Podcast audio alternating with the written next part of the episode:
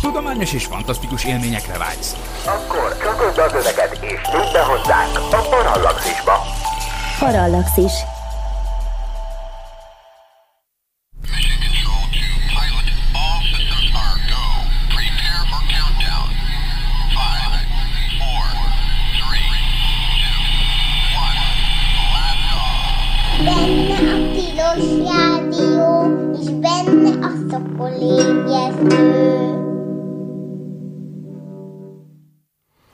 Jó reggelt kívánok, ez itt valóban a Tilos Rádió, a 90,3 MHz-es frekvencia modulált sávon, illetve a tilos, tilos.hu, benne pedig a Szokolébresztő, az űrös műsor. Az én nevem Dr. MZ per X vagyis Vince Viklós, és ma egyedül vagyok a stúdióban. A témát azonban a tisztelt hallgatóság jelölte ki, mégis, e-mailek formájában, de azért tovább is ö, fejlődhet a beszélgetés. Ehhez van egy adás telefonszámunk, Budapesti előhívószám után a 215 37 73-as, alig ha nem élnek a vonalak. Szóval a helyzet a következő. Ebben, ezen a héten a témánk az lesz, amit Svébis András és Tamás vetett föl. Ők egy apa-fia páros egyébként, a, a, a, az Andris hat éves, és ő, ők rendszeresen hallgatják a szokolébresztőt, és azt írták, hogy valamikor, még szeptember végén, azt mondja, szívesen hallanánk arról a témáról, hogy hogyan zajlik az űrben az űreszközök pozíciójának meghatározása, mi alapján történik. Nyilván az égitestek mozgása megnehezíti egy abszolút pozíció megadását, de valahogy relatíve biztosan megadható. Tehát ez a kérdés. És hát ez, erre írtam nekik, hogy hát ez abszolút megértem egy adásnyi témát, és ez így is van, szóval ez lesz ma a fő téma, de persze nem mehetünk el amellett a sok minden mellett, ami egyébként történt, tehát röviden össze kell foglalni, hogy mi van. Először is ugye a személyestől a, a nagy skálák felé haladva. Azért vagyok ma egyedül, mert Werner Norbi állandó szakértő barátunk a hétvégén két gyermekes családapává vált, azelőtt egy gyermekes családapa volt. Innen is gratulálunk Werner Norbinak, úgyhogy igazoltan van távol. Egyrészt. Másrészt azonban szintén egy ilyen kötelesség, vagyis én kötelességemnek érzem, hogy felhívjam itt is, mint minden fórumon a hallgatóság figyelmét, főleg egyébként azon hallgató, figyelmét, akik vagy középiskolások, vagy kapcsolatuk van középiskolásokkal, például mint szülők vagy tanárok, hogy a Magyar Asztronautikai Társaság, ami egy ilyen civil szerveződés egyébként, aminek én is nagyon sokat köszönhetek, de ez létezik, Magyar Asztronautikai Társaság, MANT, úgy hívják, www, vagyis www.mant.hu. Na, szóval ők azok, akik idén is űrkutatási csapatversenyt indítanak középiskolásoknak, a, amiről több információ tudható meg az irányazűr.hu-n, tehát www.irányazűr.hu. Ebből tudható, hogy ez a versenynek is a neve, hogy irány az űr. Na már most, ez úgy történik, hogy négy fős középiskolás csapatok jelentkezhetnek, a, ami, a, ami úgy néz ki, hogy három középiskolás tanuló és egy felkészítő tanár. És ők jelentkezhetnek az első, első forduló előtti nap végéig, azaz 2021. november 4-én éjfélig lehet beregisztrálni az irányazűr.hu honlapon keresztül, és utána rögtön másnap, tehát november 5-én kezdődik az a, a, maga a csapatverseny, ami egyébként erről több minden megtudható, ugye ez, ez, ez ugye tavaly is volt már online, na most az a helyzet, hogy itt jó dolgokat lehet nyerni, tehát például ezek a csapatok elutazhatnak az Európai űrügynökség legnagyobb létesítményebe, az Európai űrtechnológiai központjába, az Esztekbe, ami Nordwijkben van Hollandiában, és egyébként ezekből mindig rengeteget lehet tanulni, tehát én is egyébként általános iskolás korom óta részt vettem a Mantnak a pályázatain, amin már akkor is voltak, csak akkor nem csapatverseny formájában, akkor pályázatokat kellett írni, és egyébként nagyon sokan vannak ezzel így azok közül, akik például vendégei voltak ennek a műsornak, Egyébként Werner Norbi maga is részt vett ilyenen, de egyébként ugye Hír Natilla például, aki a GRB alfáról mesélt nekünk néhány adással ezelőtt, bocsánat, nem a GRB alfáról, hanem a Rad, a Rad Cube-ról és a Radmag műszerről egyébként, ugye, űrfizika témakörben, uh, szóval, hogy ő maga is a pályázat résztvevői és az űrtábor résztvevői között volt. A Magyar Ifjúsági űrtábor szintén a MANT szervezi. Mondom, én, ezeknek rengeteget köszönhetek, ezek már mennek a 90-es évek óta, de hát egyre fejlettebbek és egyre modernebbek, nyilván tartják a lépést a modern korral. Szóval van ez az irány az űrpályázat, és akkor a középiskolás célközönséget, vagy a hozzájuk kapcsolattal rendelkező hallgatóinkat csak buzdítani tudom arra, hogy menjenek erre, és több információ ott van fönt a www.irányazűr.hu-n. Szerintem ez tök jó és rengeteget lehet belőle profitálni. Nordwijk pedig egy nagyon érdekes és jó hely, tehát hogyha valaki oda kijut, akkor aztán ott van látnivaló. Na, tehát, oké, okay, ennyi, ennyi volt itt a szolgálati közlemények rovat. Egyébként más kérdések is jöttek egyébként, például uh, ugye a, az érdekes dolog, hogy a, a, a nem először került elő a, a White Knight témakör, ugye, ami, ami, hát én nem is tudtam amúgy, hogy micsoda, csak a hallgatóktól értesültem erről, amikor volt a 106. szokolébresztő, űrrégészkedés a naprendszerben címmel, amúgy egyébként minden adásunk visszahallgatható a tilos.hu archívumában is, meg a mi kis felületünkön, a parallaxis.emtv.hu-n is, ahol a podcastjainkat is tároljuk, meg a szokolébresztőket is, meg hozzá kísérő cikkeket, ugye? Tehát az űrrégészkedés a naprendszerben kérdőjel című adásunk volt, amikor én azt boncolgattam, szintén ilyen one-man show keretében, hogy vajon uh, lehet-e, hogy például földön kívülieknek a hulladékát, űrszemetét, vagy nagy Isten működő űreszközeit megtaláljuk a naprendszerben.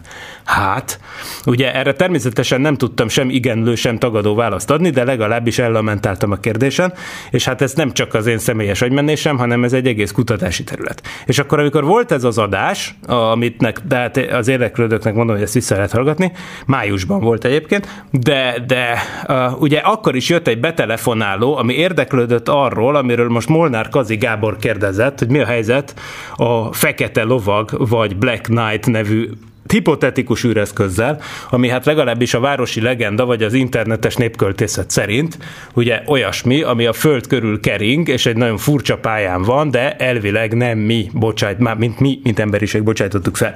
Na hát ennek én még nem tudtam rendesen utána nézni, úgyhogy majd igyekszem utána menni, és hogyha van annyi a témában, hogy tényleg érdekes, tehát hogyha nyilván érdekes a téma, csak hogyha megbízható forrásból tudok valami érdekes többlet információt hozzájutni, akkor majd erről is lesz szó később, de nem ma. Mm, na, oké, szóval, hogy ez van, er, ez is egy olyan téma, amit észben kell tartani a jövő számára, de hát akkor most a Svébis Tamás és András kérésének megfelelően az űr tájékozódás művészetéről fogok beszélgetni, vagyis igen, joggal nevezhető művészetnek, mert itt azért tényleg látni fogjuk, hogy elképesztő bonyolultság van, és, és elképesztő intuíciót igényel például az, hogy milyen pályákat terveznek meg egy bonyolult naprendszer kutató űrszondának. Tehát például ezeknek szerintem az egyik leg eklatánsabb példája természetesen az, hogy a, a Cassini űrszonda. Tehát nekem, nekem az, a, az ilyen személyes kedvenceim egyike, ami a, hát szerintem a csimborasszolja tulajdonképpen a pályatervezésnek, pedig hát annál azóta sokkal messzebbre is mentek már űrszondák amik szintén nem kisebb bravúrok, de 1997-ben indult el a Cassini űrszonda, az 2004-ben ért oda a Saturnushoz, de a az nem úgy van, hogy a Földről elindult és a Saturnus felé küldték, hanem mindenféle gravitációs intamanővert hajtott végre, hogy ugye növelje a sebességét ez a marha nagy buszméretű űrszonda, amit a korabeli legerősebb amerikai rakétával, a Titán 4-essel küldtek föl annak idején, de hát ez egy olyan nagy, brutális nagy, tehát ez még ugye az utolsó a nagy csatahajó kategóriás nagy amerikai űrszondák sorában, alig ha nem, amik ugye a Voyagerekkel kezdődtek mondjuk, vagy hát ugye a viking űrszondák, amik leszálltak a Marsra, meg minden, tehát ezek a nagyon nagy, hops, és itt van egy is telefon, úgyhogy ezt föl is veszem közben, figyelem. Haló? Halló, sziasztok, jó reggelt. Jó reggelt. Kamionos vagyok. Csak egy kis segítség a Fekete Lovakhoz. A Youtube-on megtalálod a Hihetetlen magazinnak az ide vonatkozó adását, dokumentációval, különböző csillagászok, illetve űrszakértők véleményével. Nagyon érdekes és nagyon-nagyon tanulságos. Rendben, köszönöm. Na, hát Hogy a- ezek a- szerint, ezek szerint van igény rá, tehát akkor ez egy Abszolút, ismert dolog, abszolút. csak én laktam egy kő alatt. Tehát én voltam, ugye lehet, hogy pont, lehet, hogy te telefonáltál be a májusi adásba, nem? Nem lehet? telefonálója, hallgatója és szponzorálója vagyok, Igen. úgymond a, a, Igen. a rádiónak. Elég Tehát én- ideje hallgatlak benneteket. Igen, Még tudom. is. Tudom, nekem határozottan az rémlik most, hogy bemutatkoztál, hogy kamionos, de majd visszahallgatjuk az archívumban, hogy amikor életemben először élőadásban a, a Black Knight-ról először hallottam, akkor az pont tőled volt, de akkor még nem volt ilyen jó forrás megjelölés. Na, oké, tehát akkor meghallgatjuk és megszakértjük a, szerintem a két hét múlva esedékes következő adásra ezt a dolgot. Nagyon jó. Még egy kérdést engedj meg, ugye hát most a Cassinivel kapcsolatban, amit említettél. Ö, például van, van ö, a Egeli Györgynek is van egy műsora, a té- tabuk titkok tények. És ö, egy fizikus, egy ö, nyugdíjas fizikus volt a műsorában a vendég, és erről volt szó, hogy az hogy történik, hogy például ugye a holdat használják paritjaként, ez a paritja manőver, és egyszerűen a, a beszélgetés lényege az volt, hogy a tudósok nem hajlandóak elismerni, magyarázni semmi mással nem tudják, de hogy van ö, taszító, jaj, az Isten, nem jut eszembe, tehát a, a, a, a, a Földnek a vonzás, tehát ez a taszító vonzás, és hogy ez működteti ezt a paritja manővert, és hát ugye ö, ezt próbálták boncolgatni, fejtegetni, eszméleten érdekes volt, úgyhogy ezt is Jó, hát gondolom. azért nagyon óvatosan kell kezelni bármit, tehát ott, azért igen. Köszönöm szépen, ezt is most ugye látatlanban nem tudok rá reagálni, bár az Egeli. Györgynek a neve az kb. garancia arra, hogy ott van baj. Tehát, Ah, igen, igen, igen, de, igen, de igen, mondom, igen, nem láttam egyetértek. ezt a műsort. Egy biztos, hogy nagyon érdekes anomáliák vannak egyébként. Részben ezek ismertek, részben nem. Valóban van olyan jelenség, amiről talán szót ejtünk, ha van az adásnak esetleg, tehát ha belefér. Uh-huh. Tulajdonképpen az van, hogy ö, nem is annyira a, igen, tehát például a hintamanőverekkel keveredtek ki a naprendszerből például a 70-es évek elején indított Pioneer űrszondák, mert mint a 10 és a 11 és az ő mozgásukban van egy szisztematikus, ők már nagyon messze járnak, ugye azt szoktuk mondani, hogy ők elhagyták a naprendszert. Naprendszer. És egy nagyon-nagyon picit, tehát ilyen 10 a mínusz tizediken, tehát 0,000000001 méter per szekundum négyzetes extra gyorsulást éreznek mind a kettő űrszondán, ami szisztematikusan, mintha lökné őket kifele. Ez egy olyan szinten elhanyagolható apró effektus, hogy tényleg csak ezeknél az űrszondáknál jelentkezik, amik már évtizedek óta nagyon messze járnak, és nagyon gyorsan mennek. Ugye? Mind, ez egy olyan hatás, ami még a belső naprendszerben még olyan, olyanok mellett is eltörpül, vagy azzal összemérhető nagyságrendű, mint a napból eredő sugárnyomás. Tehát nem is az, hogy a napszél részecskék lögdösik az űrszondát, hanem az, hogy az, hogy a nap világít, rávilágít az űrszondára, az abból származó sugárnyomás például jellemzően ugyanilyen nagyságrendű a belső naprendszerben, de hát ugye a pioneerok mennek kifele, egyre messzebbre kerülnek a naptól, akkor ugye négyzetesen csökken ez a rájuk eső Csökkennie sugárnyomás. Ez a valami, ez mintha mégis ott lenne. Na most persze ez még nincs teljesen lefutva ez az ügy, de nagyon valószínű persze, hogy igazából arról van szó, hogy, hogy mégis valami ilyesmi egyszerű prózai dolog lesz, nem az, hogy a fizikának egy új kölcsönhatását fedezték fel, mert más űrszondák annyira nem mutatják ezt a dolgot, de igen, ilyesmik tényleg vannak, és, és, ez, és az ilyen apró erőhatások felderítésére, amik nem ismertek a fizikában, nyilván annak az egyik módja az az, hogy, hogy hát vil- kozmikus méretekre kell tágítani a dolgokat, tehát például gyorsulás anomáliákat nézni. Most eh, szóval igen, vannak ilyesmik, eh, de igen, szóval ezekről valami szót fogok ejteni. Nem tudom, hogy ennek van-e bármi köze ahhoz, ami az Egeri, Egeli műsorában elhangzott. Ez lehet, hogy ez pont ugyanaz? Ö, lehetett pont ugyanaz, több szempontból megközelítették a, a, a kérdést, a témát, illetve felvetődött, miszerint ö, újra kellene írni a fizikai, a fizikai, fizikai könyveket, illetve az, az egész fizikát, ami, ami ugye egy jó pár kőbevésett és bebetonozott alapszabályon alapul, és úgy, ahogy mondod, vannak dolgok, amiket nem tudunk még a, a, a mai állásával megmagyarázni, de az, hogy, az, hogy homokba dugják a fejüket bizonyos emberek, és hogy nem hajlandók Na, ez, róla, igen. az egy, az egy, az na, egy na jó, jó, igen, de ezt azért száfolnám, mert mint, mint kutató fizikusként is, meg minden, tehát, hogy igazából általában a fizikusok nagyon örülnek, hogyha valami olyasmire találnak, ami, a, a, amire nincs magyarázat, mert akkor ott egy érdekesség van. Tehát igazából a, a, a fej homokba dugása az nem jellemző, mert minden fizikusnak a lehető legelemibb érdeke, hogy felfedezzen valami újat, amit majd rengetegen fognak hivatkozni, meg amiért ne adj Isten megkapja majd a Nobel-díjat. Nobel-díjat, Tehát igen. azért, azért, azért a, a fej homokba dugása már csak azért sem jellemző, mert mint látni fogjuk az adásban, az baromi fontos, hogy egy ilyen bonyolult pályán repülő űrszondának nagyon pontosan előre tudják jelezni, hogy mikor, hol, merre van, és ez óriási pontosságot igényel, és például az, hogy mit tudom én, elrepülsz a Plutóig, és akkor év, év, év, tíz éven keresztül megy az űrszonda a Plutóig elképesztő sebességgel, és akkor van ott egy fél órás intervallum, tíz év repülés után, vagy kilenc és fél év repülés után, ez egy megtörtént eset, tehát ez nem az újamból szopom, van egy fél órás időintervallum, hogy nagyon pontosan abban a fél órában, amíg hús keresztül repülsz az egész uh, Plutó és holdjai rendszeren, tudnod kell, hogy nem csak az, hogy hol vagy, hanem melyik tized másodpercben, sőt század másodpercben merre fordítsd a kamerát, hogy azt, hogy le tud, hogy, hogy például, ha már eddig elrepültél, akkor ne a törpe bolygó mellé néz, hanem rá. Tehát, hogy, hogy itt olyan iszonyú pontosság van, hogy mindenkinek a le- legelemibb érdeke, hogy annyira jól tudjuk a fizikát, amennyire csak lehet.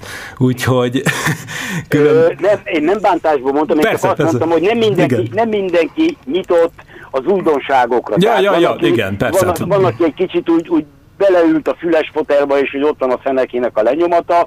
Ő Persze, már, van már ilyen, van- hát, eh, van ilyen. Mondom, Szokt- tehát szokták nem mond- általánosítottam, csak Szokták mondani, Igen. hogy, a, hogy mit tudom én, a századfordulón, ugye, mit tudom én, amikor Budapesten már, Hát- Budapesten már szólt a rádió, a Frölich Izidor a, a, a mai eltének az elődjén a Tudományegyetemen még úgy hivatkozott a Maxwell egyenletekre, hogy érdekes elmélet, ugye? Miközben... hát miközben, szóval... már fizikusok is, ugye, hogy, hogy már mindent felfedeztünk, hátra nincs. jó, hát így van, igen, ugye Ez Max Planckot, Max igen, Planckot angol, eltanácsolták, mondván, Igen. hogy a fizikában már nincs te- tennivaló, Nincs menjen tenni. inkább, menjen máshova, szerencsére nem fogadott szót, lett belőle kvantummechanika, vagyis kvantumelmélet. Szóval igen, hát, hát jó, ez egy létező jelenség, persze. Ugye a paradigmaváltások kérdésköre.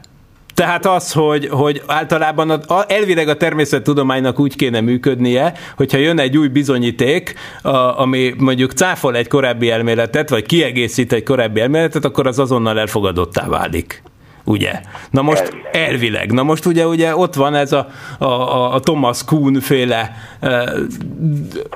szóval az, hogy, hogy ott van a, ott, na mindegy, hagyjuk. Szóval csak azt akarom mondani, hogy valójában az a helyzet, hogy, hogy tudjuk, hogy nem, nem igazán így történik. Nekem a kedvenc példám erre, de kicsit már divergál a téma, bocsánat, de talán nem baj, hogy, hogy van olyan dolog, amiről azt hiszed, hogy megméri az ember, és akkor azt tudjuk, és az úgy van, kísérletileg megmértük, kész. Ilyen dolog lenne például, mit tudom én, az elektron töltése. Ugye az elektron töltése az egy olyan dolog, amit a középiskolában is tanított Milliken kísérletben megmért Milliken, amerikai kísérleti fizikus, Amiért egyébként meg is kapta annak rendje és módja szerint a Nobel-díjat. Viszont ugye valami miatt egy tévedés került a számításában, most nem is untatnám a hallgatóságot azzal, hogy mi, de a lényeg az, hogy egy kettes faktornyi tévedés, tehát mondjuk kétszer kisebb vagy kétszer nagyobb, már nem emlékszem, elektron töltést határozott meg. Na most, azt gondolnánk, hogy ha ez úgy működne, hogy működnie kéne, akkor a következő méréssel, amikor valaki más megmérte, azonnal helyre került az érték mert itt van, megmérték még egyszer, és ugye hát akkor ki, ők nem követték el ugyanazt a számítási hibát, és akkor onnantól jó. Na nem így volt, hanem úgy volt, hogyha megnézzük, hogy a különböző tud- tudományos publikációkban hogyan változott az elektron töltése évről évre, úgymond, akkor azt látjuk, hogy mindig csak egy kicsit lett nagyobb, vagy, vagy kisebb, amíg el, és aki szépen lassan rámászott a megfelelő értékre, bekonvergált, úgymond, de ahhoz éveknek kellett eltelnie. Egyszerűen azért, mert azokat a publikáció, a- amikor az embernek az jött ki, hogy hú, ez nem az, mint a Milliken eredménye, biztos elszámoltam valamit, gondolhatták, és akkor csak úgy szépen ap, ap, csak egy picit mérési hiba, hiba határnyikon belül jutottak el végre addig az emberek, hogy elmerjék fogadni azt, hogy az eredeti mérés az egy kettes faktorral rossz volt. Tehát a fizika fejlődésében is bizony tetten érhetők ezek a dolgok, amiknek nem kéne ott lenniük, hiszen azért természettudomány, hogy hogyha van egy perdöntő kísérlet, ami itt jól elvégeztek, akkor, akkor azt el kell fogadni, de hát a valóság az ugye a tudomány nem szociológiája, vagy mit tudom, az nem, nem ilyen. Szóval vannak ilyesmik, igen. De jelen pillanatban legalább nem annyira nagyképű a fizikus társadalom, mint a Planck előtti generáció idejében, hogy bárki azt mondja, hogy mindent értünk, mert szó sincs róla. Tehát nagyon sok nyitott kérdés van szerencsére. Úgyhogy Jó, mindenki... örömmel hallom, és nem akarnám kisajátítani a többiek elől a műsort, hallgatlak, és köszönöm szépen, hogy Ja, én köszönöm a betelefonálást. Köszönöm, szia. Szia. Na, hát egy kicsit, kicsit eltértünk, de akkor térjünk vissza ugye arra, hogy, hogy mi a helyzet ezekkel a, a pályákkal. Ugye a Cassini űrszondát az, azért hoztam be, mert valóban ilyen uh, iszonyatos precizitást igényel az, hogy egy űrszonda úgy jut el a Saturnushoz, hogy először elmegy a Vénuszhoz, aztán visszarepül a Földhöz, aztán még egyszer repül a Vénuszhoz, mindezt azért, hogy a bolygókhoz közel repülve további lendületet gyűjtsön lényegében. Egyszerűen az, hogy amikor a dolgok ráesnek egy bolygóra, akkor persze elkezdenek gyorsulni. A Cassini úgy volt irányítva, hogy hoppá, egy újabb telefon, ne essen rá a bolygókra, csak repüljön mellette, ezt hívják paritja manővernek. Na, felveszem a telefont. Jó reggelt kívánok! Üdvözlet a műsor szempontjából az asztrológus volnék. Aha. A, amilyen, amilyen ügybe telefonálok, az az, hogy a jelenlegi fizikai világkép szerint 5% a közönséges anyag, 23% a sötét anyag, 72 a sötét energia. Ez stimmt, igaz? De, na, ilyesmi, igen. Nagyjából ezek az arányok. Mondjuk. Sötét energia, sötét energia az alapértelmezett férfi, sötét anyag az alapértelmezett nő, közönséges anyag a nem binárisok. Sziasztok! Ó, becsoda megfejtés. Na, köszönjük szépen! Most ott nem tudom, hogy egyébként ilyen értelemben százalékosan megfeleltethető volna-e, azért nagyjából a férfi-női arány az kiegyenlített, a többieknek nem tudom, hogy mi a besés. Na mindegy, de egyébként igen, az univerzumnak egy genderelméleti megközelítését hallottuk asztrológustól ma reggel. Na, visszatérve ahhoz, hogy hogyan lendülget az űrszonda a naprendszerben, ugye, hát ez mi?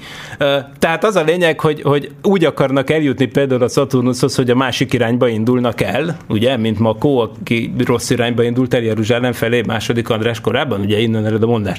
Na, de hogy, hogy mi a helyzet, hogy, hogy miért? Hát azért, mert ugye a, a Titán négy hordozó rakéta sem, mint mondtam, sem volt elég ahhoz, hogy ezt a marha nagy eljuttassa oda, és na, egyszerűen túl nehéz volt az űrszonda, és ezért ugye nagyobb sebesség kell. Na most eleve mi az, hogy el akarok érni egy bolygóhoz? Tehát az hogy néz ki? Azt a naprendszerben, a, a naprendszerben a mozgásokat egyébként a, a Kepler által elég jól megismert, és aztán persze tovább pontosított bolygó mozgási törvények határozzák meg. Ugye ezeket, amiket az középiskolában is tanítanak, ugye az egyik fontos következménye ennek, hogy a bolygók, amelyek zárt pályán keringenek a nap körül legalábbis, azok jó közelítéssel ellipszis pályákon mozognak, aminek az egyik gyújtópontjában a nap van. Ilyen ellipszis pályán kering a Föld is, és mondjuk a Saturnus is egy ilyen ellipszis, ellipszis pályán kering, vagy a Mars. Na most, nyilván az, hogy egy pályának hogy, hogy egy rakétát mennyire kell felgyorsítani, a, a, az lényegében attól függ, nem annyira meglepő módon, hogy mennyire akarok eltávolodni a naptól, tehát hogy ennek az adott ellipszis pályának, amire ráállítanám az űrszondát, annak a naptól legtávolabbi pontja, a, hát aphelion, de ugye el, elrontott latin sejtéssel afélionnak szokták mondani, Ugye?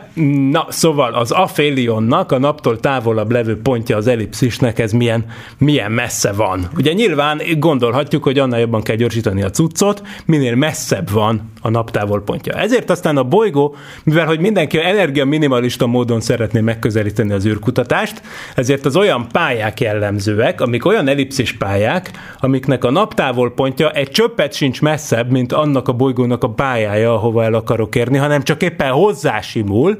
Tehát van egy mondjuk egy nagyjából kör alakúnak elképzelhető bolygópálya, és egy ellipszis pálya, ami pont fölér addig, hogy belülről érintse azt az ellipszis pályát, és persze úgy kell kiszámolni, hogy pont egyszerre legyen abban a naptá, az űrszonda pályájának a naptávol pontjában, egy, amikor az űrszonda odaér, akkor érjen oda a célégitest is, mondjuk a Mars vagy a Saturnus, és akkor ha már az űrszonda elég közel van, akkor onnantól kezdve a célégitest, a bolygó az ő saját gravitációs terével már úgy kb. Behúzza az űrszondát maga köré, ugye? Tehát, hogy például ezért aztán az űrszonda nem fordul vissza a naphoz, hanem ha elég közel sikerült, akkor úgymond bekapja a bolygó, és akkor mondjuk ez lehet egy leszállás a Marsra, vagy lehet egy pályára állás a Saturnus körül. Igen. Tehát az a lényeg, hogy minél messzebbre akarok kimenni a naprendszerbe, annál elnyújtottabb ellipszis pályákra kell pakolni az űrszondákat. Ez természetesen nagyon energiaigényes. Miért indul el a, a Cassini űrszonda a belső naprendszer felé, amikor a külső naprendszer a célja? Hát azért, mert bent tud tulajdonképpen energiát szerezni ilyen hintamanőverek révén. Ugye nyilván a naprendszer belsejében gyorsabban mozognak a dolgok, hiszen ott erősebb a napgravitációja. Ugye minél közelebb vagyunk, annál erősebb a gravitáció. Ugye a gravitációs erő az a naptól mért távolság négyzetével csökkent, tehát kétszer messzebb vagyunk, negyed akkora, háromszor messzebb, kilenced akkora, stb. Tehát eleve bent gyorsabban mennek a dolgok, és akkor plusz még az űrszonda, amikor mondjuk elhalad a Vénusz mellett, akkor így fel tud gyorsulni. Igazából ezzel energiát vesz el a Vénusztól, és a Vénusz forgásától és keringésétől tulajdonképpen, de hát ez a Vénusznak ez meg se kottyan, viszont valamennyi ebből átadódik ennek, a, ennek a, az űreszköznek, és itt egyébként több ilyen hintamanőverre is szükség volt, hogy a Saturnushoz fel tudjon érni az a bizonyos pálya. Tehát először Vénusz, Föld, Vénusz, Venus, Jupiter, és utána ment ki a Saturnushoz. És egyébként voltak ennél cifrább pályák is. Tehát ezért azt, azt kell érezni, hogy ezek nagyon pontosak, és nagyon bonyolultak, és azt is érezni kell, hogy a gravitációs törvény jellegéből következik, hogy amikor közeledek bolygóhoz, akkor begyorsulnak a dolgok. Tehát, egyébként ezt is a Kepler is tudta már, ugye, ez volt a Keplernek a, a második törvénye talán, ami lényegében azt fogalmazza meg, hogy ezen a bizonyos ellipszis, vagy akármilyen pályán, ami repül a naprendszerben, például egy űrszonda vagy egy bolygó, akkor az van, hogy amikor közelebb kerülünk a gravitáló testhez, a, vagy például a naphoz, ugye akkor ott a bolygó is gyorsabban megy. Amikor egyébként meg a pályája távoli részén van, az ellipszisnek a naptól távol első részén, akkor lassan megy. Tehát a lényeg az, hogy pont amikor megközelítünk valamit, legyen ez egy bolygó, legyen az a nap, stb., akkor ott begyorsulnak a dolgok. Tehát ilyen hinta manővernél is, amikor az űrszonda elrepül a Vénusz mellett, baromira begyorsulnak a dolgok. Megjegyzendő, hogy emiatt egyébként a leghibákra legérzékenyebb szakaszok pont ezek az elrepülések. Amikor volt az a nagy nevezetes balhé, vagyis hát pofára esés mondjuk inkább úgy, amikor az 1999-ben indított Mars Climate Orbiter nevű űrszonda Mars körüli pályára akart állni 2000-ben, de nem sikerült neki.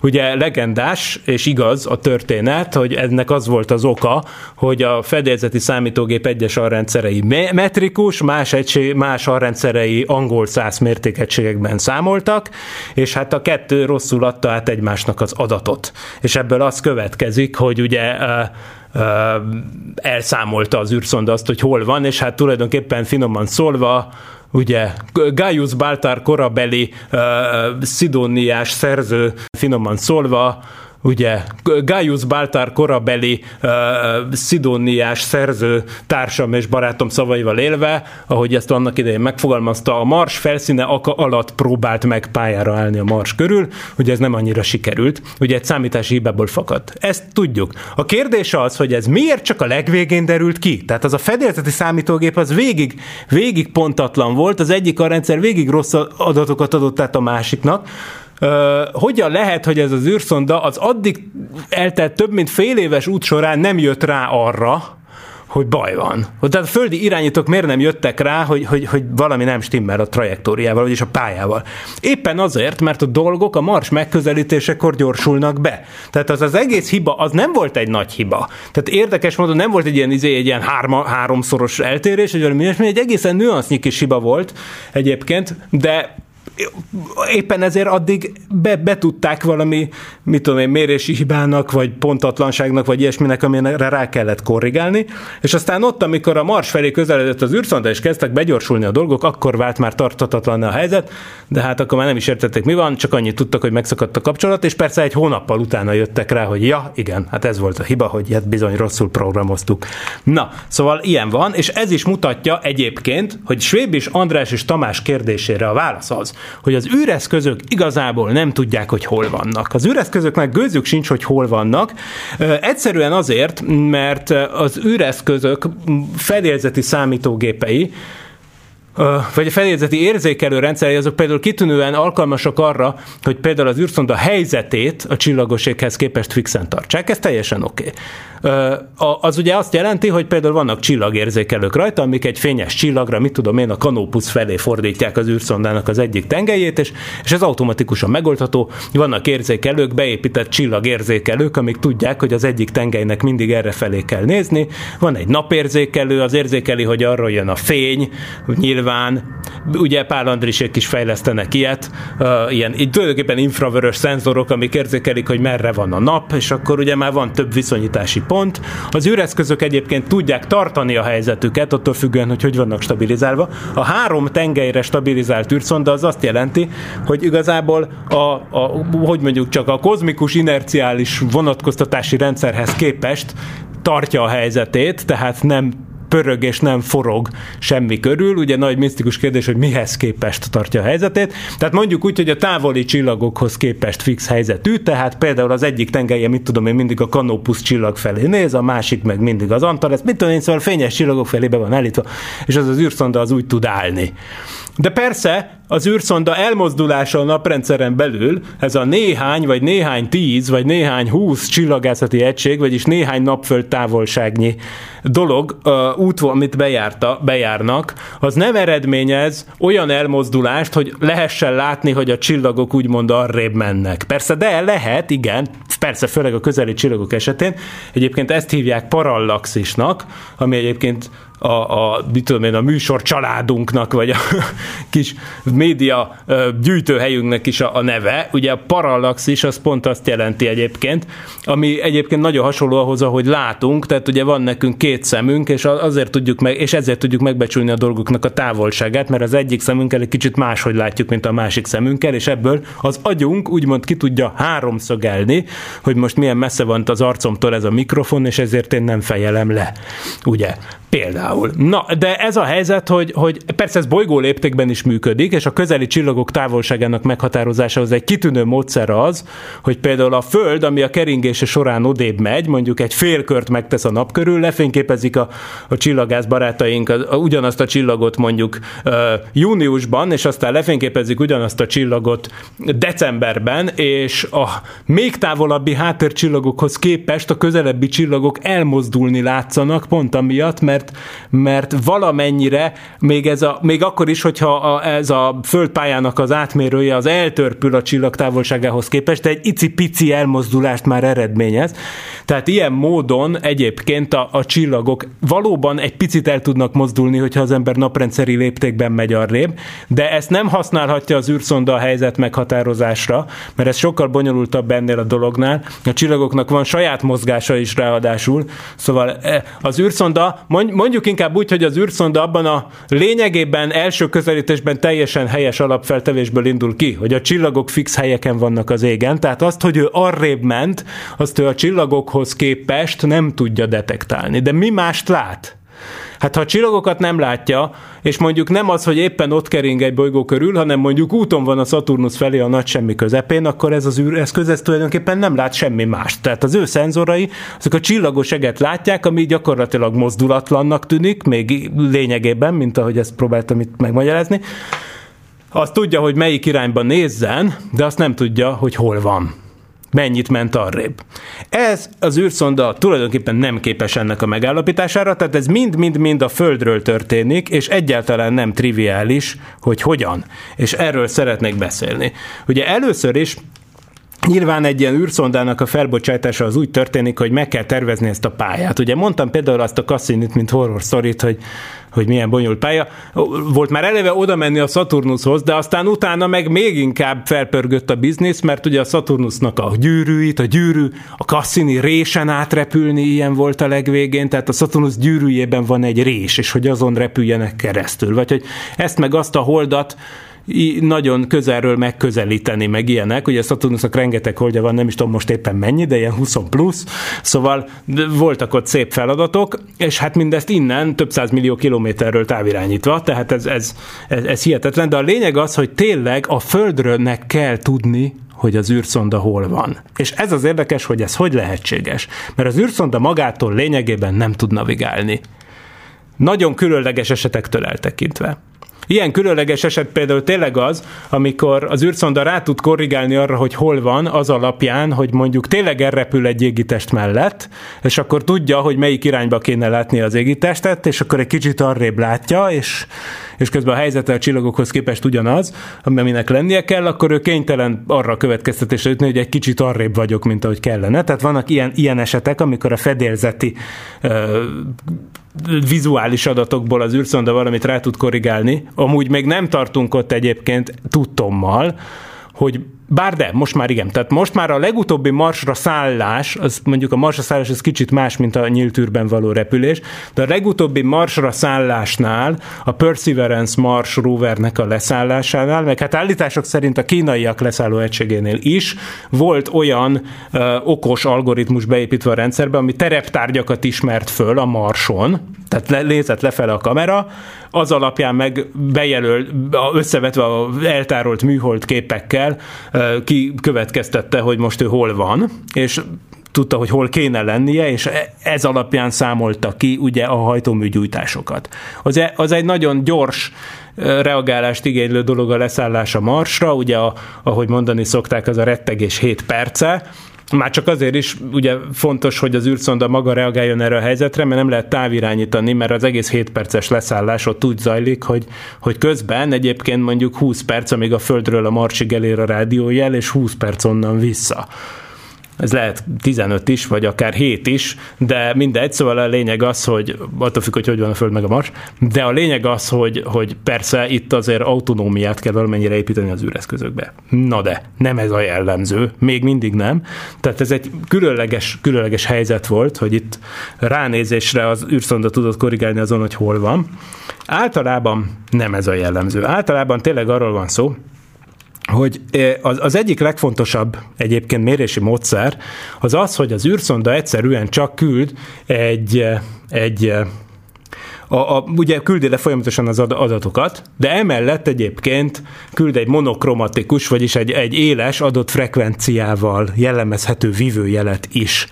Ugye hát egy frekvencia modulált adás jön le, mint a tilos rádió, ugye annak van egy nagyon egy adott, adott frekvenciájú vívőjele, miközben egyébként az űrszonda pedig gyorsul és lassul, például egy hajtóműgyújtást végez, vagy például a pályáján úgy repül, hogy éppen egy olyan szakaszba ér, amikor, mint mondtuk, a Kepler törvények értelmében, amikor egy tömeggel rendelkező test bolygó közelébe kerülünk, akkor elkezdünk gyorsulni.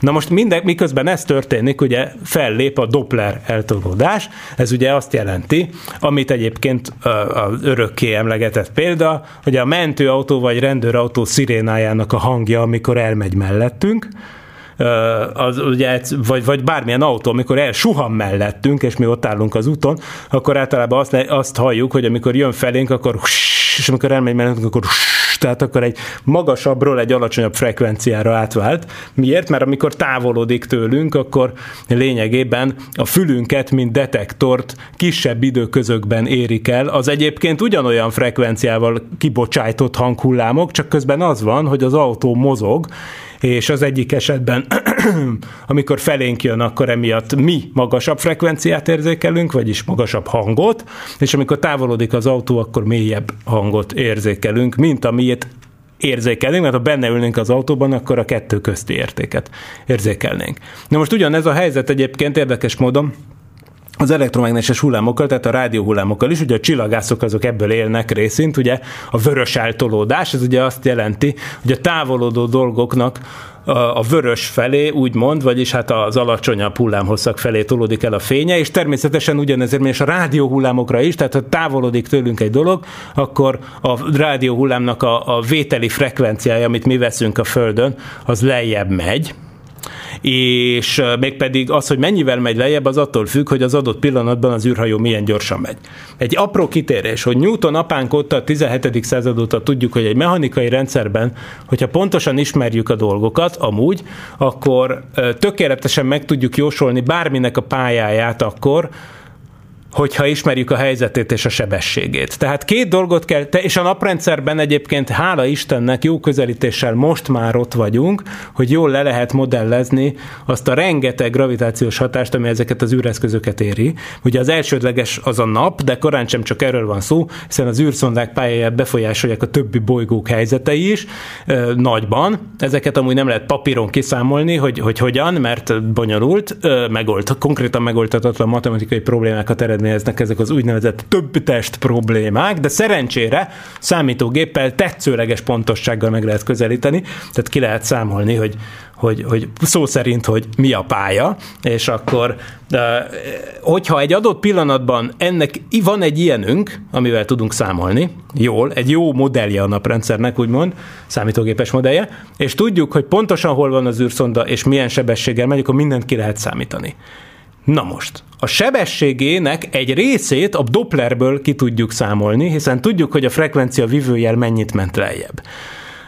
Azonban érezhetjük, hogy ez az egész egyben tök jó volt, mert most volt is egy kis mentőautó szirénázás itt a háttérben, tehát tökéletes aláfestés itt a Tilos Rádió stúdiójában. Tehát az a lényeg, hogy uh, az azonban csak arra szolgáltat információt, hogy a Földet és az űrszondát összekötő egyenes mentén mennyi az elmozdulás. Érezhetjük, hogy az oldalirányú elmozdulásról ez nem ad információt, csak arról a sebességkomponensről ad információt, ami konkrétan felénk mutat, vagyis az úgynevezett sugárirányú sebességkomponensről. Ezt azért folyamatosan lehet mérni, és akkor itt jön az, hogy de szerencsére ismerjük, hogy milyen jellegűek lehetnek a mozgások a naprendszerben, és szerencsére le tudjuk futtatni ezeket, és szerencsére általában az van, hogy ha csak az egyik komponensről van információ, hogy mennyire lassul, ismerve a törvényeket, amit mögötte vannak, például a Kepler törvényt, ugye, hogy mit tudom amikor az ellipszis pálya tetején vagy, akkor lassabb vagy, és tudjuk is, hogy mennyivel vagy lassabb, akkor, hogyha az a komponens a sebességnek megvan, akkor abból rekonstruálni tudom a másik két komponenst is.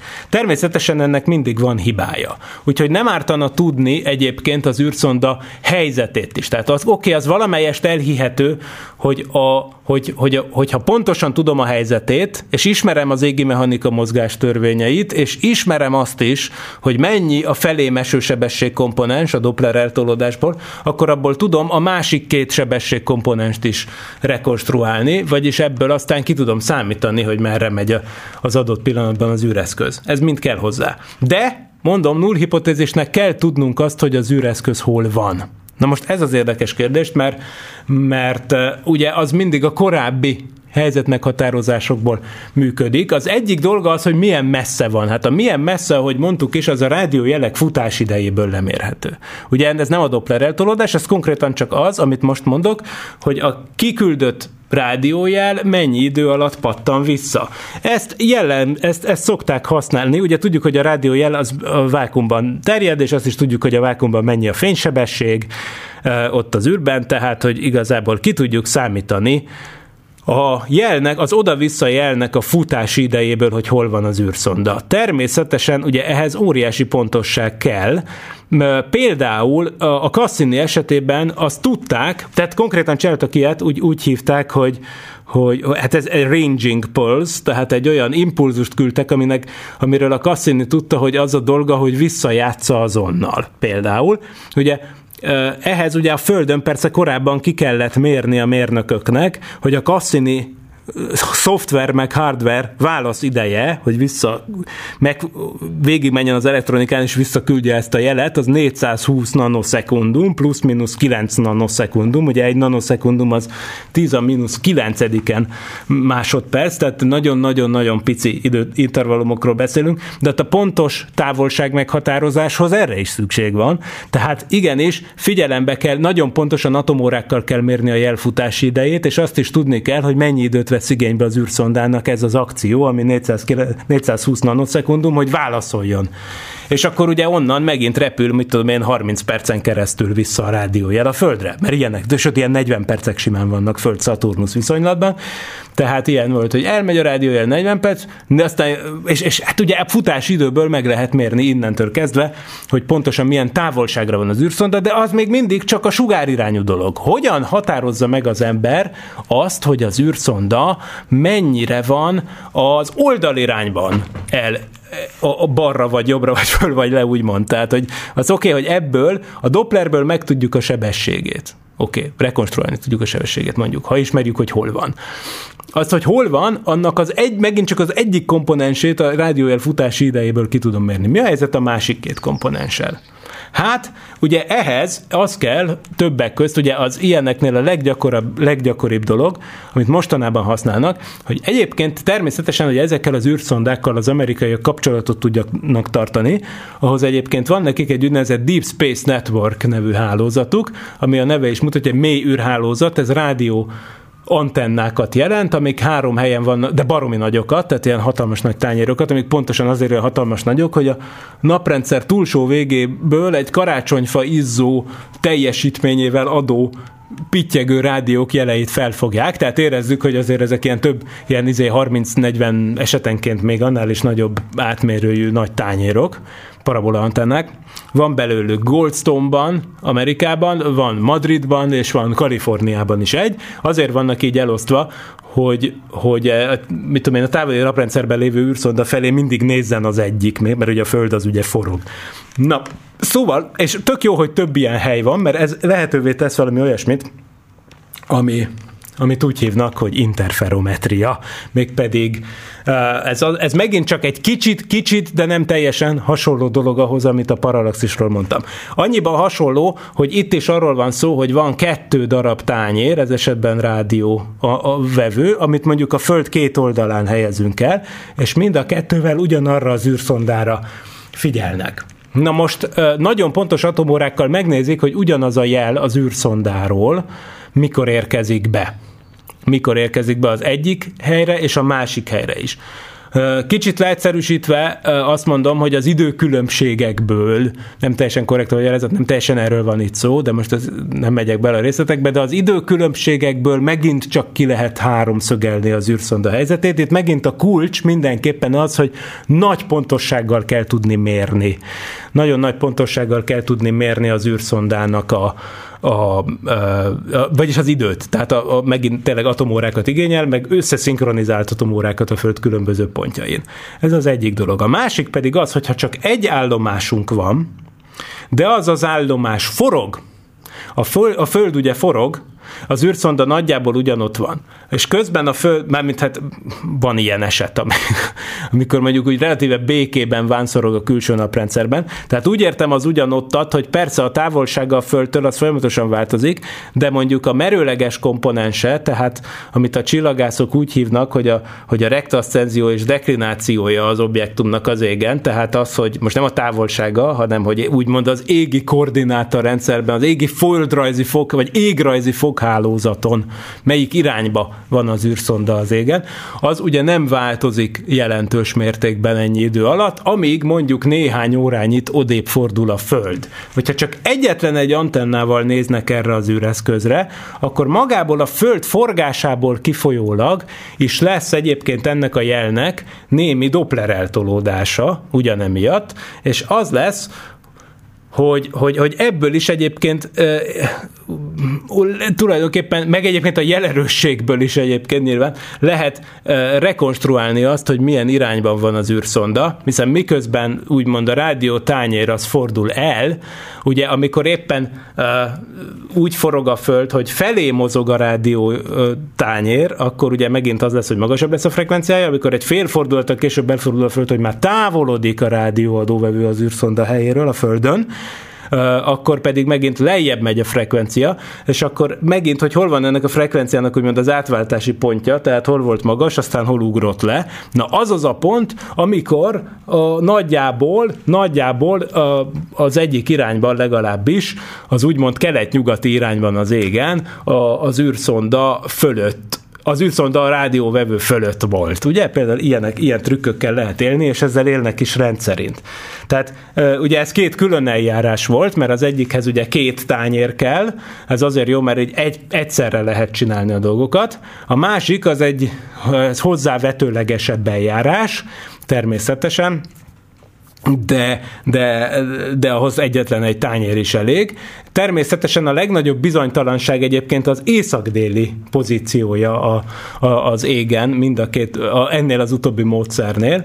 Tehát nyilván minél közelebb van az egyenlítőhöz a dolog, annál inkább abba az irányba nem tud ez a dolog igazságot tenni, de mindegy, szóval ezekkel a közvetett rádiós mérési módszerekkel lehet operálni, és természetesen, amikor közelebb vannak a Földhöz, akkor még olyanok is előfordulnak, a, a, hogy radarral. Tehát például műholdak esetében, amik a föld körüli pályán keringenek, ugye ott rendszeres, és egyébként kell is, hogy radarral kövessenek mindent, ami fönn van az űrbe, beleértve az egészen pici műholdakat is, ugye ott van a NORAD, ami a, az észak-amerikai uh, légi, a, a Kanada és az amerikai légierők által közösen üzemeltetett ilyen nagy radar állomás, ami egyébként egy olyan adatbázis tart fenn, ami tulajdonképpen igyekszik mindent követni, ami az űrben fönt van a föld körüli pályán, tehát ami itt kering.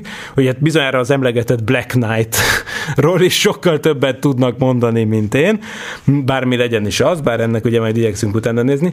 Tehát ott konkrétan lehet radarral csekkolni, hogy hol van. És egyébként, hogyha már az alacsony földkörüli pályás műholdakról, vagy akár űreszközökről beszélünk, akkor persze ott már ami persze Saturnusnál nyilván szóba se jön, de mondjuk az alacsony földkörüli pályán keringő műholdaknál igenis ott van a GPS, mint lehetőség, hiszen maguk a GPS műholdak, amik itt segítenek nekünk navigálni a Földön, azok természetesen működnek vagyis tudnak jelet küldeni 200-300-400 kilométeres magasságban keringő műholdak számára is, ugyanazokon az elvek alapján. Hiszen a GPS műholdak magasabban vannak, nagyjából 20 ezer kilométer magasan.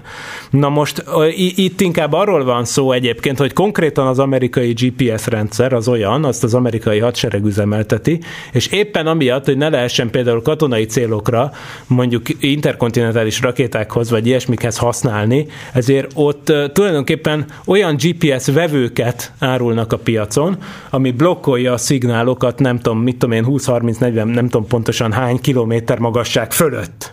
Tehát, hogy az ember elviszi az okos telefonját, elvileg elvi akadálya nem lenne, hogy GPS navigációt tudjon csinálni az ember a saját boltban vásárolható kütyüjével, akár 400 km magasságban. Ott gyakorlati hardwarebe beépített blokkolás van, hogy ne használhassa, de hát nem véletlen, hogy egyébként már nem csak az amerikai GPS rendszer létezik, hanem pont emiatt, mert stratégiai fontossága miatt az ilyen műholdas navigációs rendszerből kifejlesztette már az Európai Unió és a sajátját, vagyis ugye hát folyamatban van ez a Galileo és természetesen ott van az oroszoknak a GLONASS, és a kínaiaknak is, eh, aminek most nem tudom a nevét, de abszolút létezik, sőt, él és virul, ugye Szentpéteri László is mesélt róla nekünk többször is. Na igen, szóval ezek, ezeket akartam így hirtelen gyorsan elmondani, tehát összefoglalva, hogyan navigál az űreszköz. Önmagában nagyon sehogy. Szegény csak azt tudja leginkább megállapítani, hogy a csillagokhoz képest hogy áll. Természetesen azért valamit tud mondani abból, hogy milyen irányba látja a napot, tehát meg milyen csillag háttér előtt, tehát ugyanúgy, ahogy gondoljuk, hogy ez alapján lehet navigálni, ez alapján bizonyos szinten tud navigálni az űreszköz, de elsősorban nem ez alapján történik a navigáció. Az űrszonda szenzorjait főleg inkább csak arra használják, hogy a helyzet meghatározását biztosítsa, tehát hogy például a napelem a nap felé nézzen, a rádióantenna meg a föld felé nézzen, a kamera meg a célégítést felé nézzen, tehát ilyen dolgokhoz ugye ez nagyon fontos, de az, hogy az űrszonda hol van, azt a Földről kapja vissza, a Földön számolják ki, hogy mikor vannak ilyen eltérések, ilyen hatások ö, miatt, amikről ugye szót amikben vannak ismert, és vannak olyan hatások, amik nem előrejelezhetőek. Nagyon pici gyorsulások, eltérések a tervezett pályától persze mindig bekövetkeznek. Ott van például a nap sugárnyomása, persze a modellekben már ezt is be lehet építeni, de nem teljesen pontosan, mert hát az is mindig változik. Mm, Meg hát a bolygók, amik mellett elrepülnek, azoknak a gravitációs eh, tere sem tökéletesen ismert, tehát ott is van olyan, hogy nagy tömegkoncentrációk vannak itt-ott, és módosítják a pályát, miközben elrepülünk a bolygó mellett, tehát ez mind, ez mind-mind létezik, tehát minden esetben óhatatlanul szükséges útközbeni pályamódosításokat csinálni, tehát ez nem úgy van, hogy 97-ben felküldték a Cassinit, és akkor onnantól kezdve Newton kezében volt a hajó, és végigrepülte a pályáját, és elment a Saturnusig, mert elvileg lett volna erre lehetősége, de gyakorlatban persze ezeket az űrszondákat soha nem engedik el úgy, hogy ne legyen náluk egy kis pályamódosításhoz szükséges hajtóanyag, és pontosan ezért fontos egyébként mindez, mert az, amikor eltér az úgynevezett nominális pályától a, a, a repülés, amiket a Földön az emlegetett módszerekkel folyamatosan mérnek, Doppler eltolódásból, meg, meg ezekkel az interferometriás módszerekkel, onnantól kezdve az űrszondának ki kell adni az utasítást, vagy kiszámolják, hogy mikor kell, és, és milyen erejű és milyen irányú a hajtómű gyújtást végrehajtani, hogy korrigálják a pályát, és akkor ezt útközben végre is hajtják rendszerint. De ez mind-mind-mind a Földön számolódik ki, és mind-mind a, a földi rendszerekkel történik lényegében az űreszközök navigációja mind a mai napig. Nem tudom, hogy mikor lesz olyan, amikor ez nem így lesz, de, de, de hát most egyelőre még elsősorban erről van szó. Nyilván egyébként az lesz a jövő, vagyis hát egy távoli jövő talán merném állítani, hogy, hogy lesz valamilyen naprendszer szintű GPS rendszer egyszer. Tehát, hogyha már nagyon, nagyon nagy uh, kozmikus uh, civilizációk uh, leszünk, a, amik össze-vissza termelik ki a kisbolygókból a, a nyersanyagokat, és, és rendszeres járatok indulnak a Föld és a Plutó között, vagy akármi, hát akkor bizony előbb-utóbb nyilván létre fog jönni ö, több ilyen, hogy mondjam, kozmik, naprendszerbeli, hogy mondjam ezt, világító torony tulajdonképpen, ami olyasmi lesz, ami segíti majd az űreszközök navigálását és amivel, amik segítségével az űreszközök saját magukhoz képest is meg tudják majd csinálni ezt a dolgot, ami jelenleg mind-mind a Földről történik. Na, viszont, hát nagyon röviden, gyors talpaló jelleggel ennyit tudtam elmondani a mély űrbeli navigációról. Adásidőnknek hamarosan vége. Azt akartam még elmondani, hogy bizonyára tudják a hallgatók is, hogy persze volt mindenféle aktualitás is. Múlt héten William Shatner, azaz körkapitány 90 évesen feljutott az űrbe. Erről is, és még sok érdekességről is beszélgettünk egyébként a Parallaxis podcastban, ami majd egyszer hallgatható lesz az interneten, úgyhogy majd erről. Úgyhogy minden ilyesmit megtalál a tisztelt hallgatóság a parallaxis.emtv.hu-n. Kérdést is lehet írni a műsorba, persze a tilos.hu felületen is, illetve a sokolebresztó kukacgmail.com e-mail címen és szokolébresztő kukacgmail.com Ez volt ma reggelre a szokolébresztő remélem nem volt túl száraz, minden esetre köszönöm a betelefonálóknak, hogy oldották a hangulatot a Doppler eltolódás és a Kepler törvények között. Mindenképpen jót tett a műsornak, de két hét múlva próbálok magamon kívül is valakit berángatni a stúdióba. Ennek az adásnak most vége van. Jövünk vissza két hét múlva mindenkinek. Szép napot és jó hetet kívánok. Sziasztok!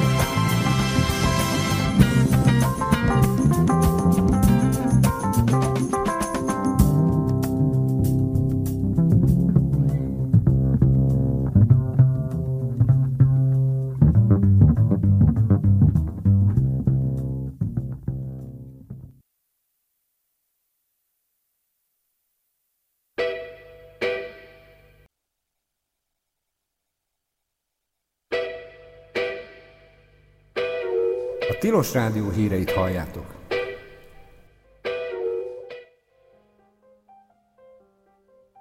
Tiziano és kortársai, többek között Palma Vecchio, Lorenzo Lotto, Paris Bordone, Jacopo Tintoretto és Paolo Veronese nőábrázolásait állítja középpontjába a Bécsi Kunsthistorisches Museum nagy őszi tárlata.